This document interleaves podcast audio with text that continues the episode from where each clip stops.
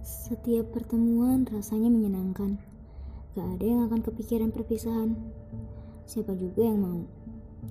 Nyatanya di dalam satu minggu ini ada tujuh hari yang kita mau adalah ketemu di setiap harinya. Ketemu orang yang selalu bawa kebahagiaan dan penyemangat. Kita juga gak pernah tahu akan ketemu siapa di masa depan.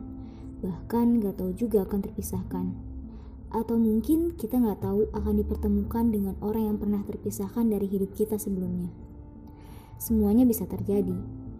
Satu hal yang harus dipelajari bahwa setiap pertemuan tandanya kita harus siap dengan perpisahan. Siakin apa pun kita nggak akan pisah dengan orang yang kita sayang, tapi nggak ada satupun juga yang tahu kuasa Tuhan. Yang terpenting kita udah berjuang dan berusaha mempertahanin demi siapa pun yang kita sayang. Kalau hasilnya kadang nggak sesuai pikiran, selamat. Kita udah ngelakuin hal terbaik dalam hidup tanpa menuntut balasan.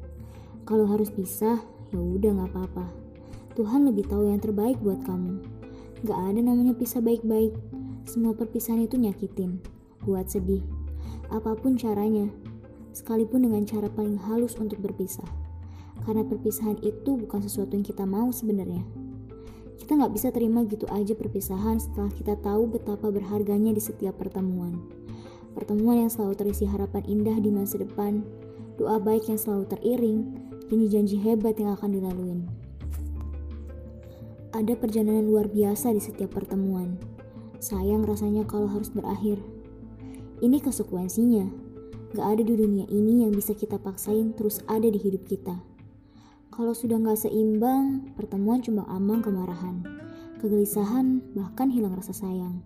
Sekeras apa pun kamu bertahan dan berjuang, kalau tidak seimbang, perpisahan akan datang. Lebih baik pisah daripada berjuang sendirian. Lebih baik pisah daripada semakin tidak karuan. Lebih baik pisah jadi jalan perenang. Jangan takut kehilangan. Lebih baik kehilangan di awal sebelum kamu ditinggalkan atau di akhir kamu dicampakkan. Hargai diri sendiri. Belum tentu orang yang kamu pertahankan bisa menghargaimu. Mencintaimu saja mungkin sudah tidak.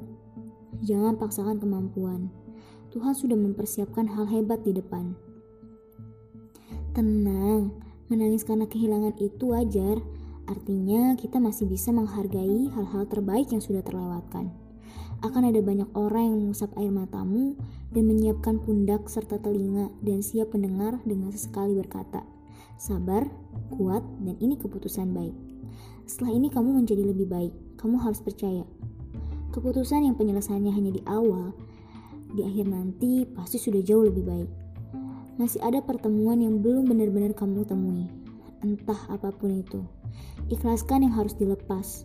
Jika dia untukmu, dia akan kembali tanpa harus kamu paksa, dan dia akan benar-benar untukmu. Ini cuma waktunya yang belum tepat.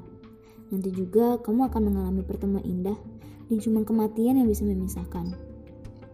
Mungkin dari sini kita semua bisa belajar dari betapa berharganya pertemuan dan betapa hebatnya perpisahan.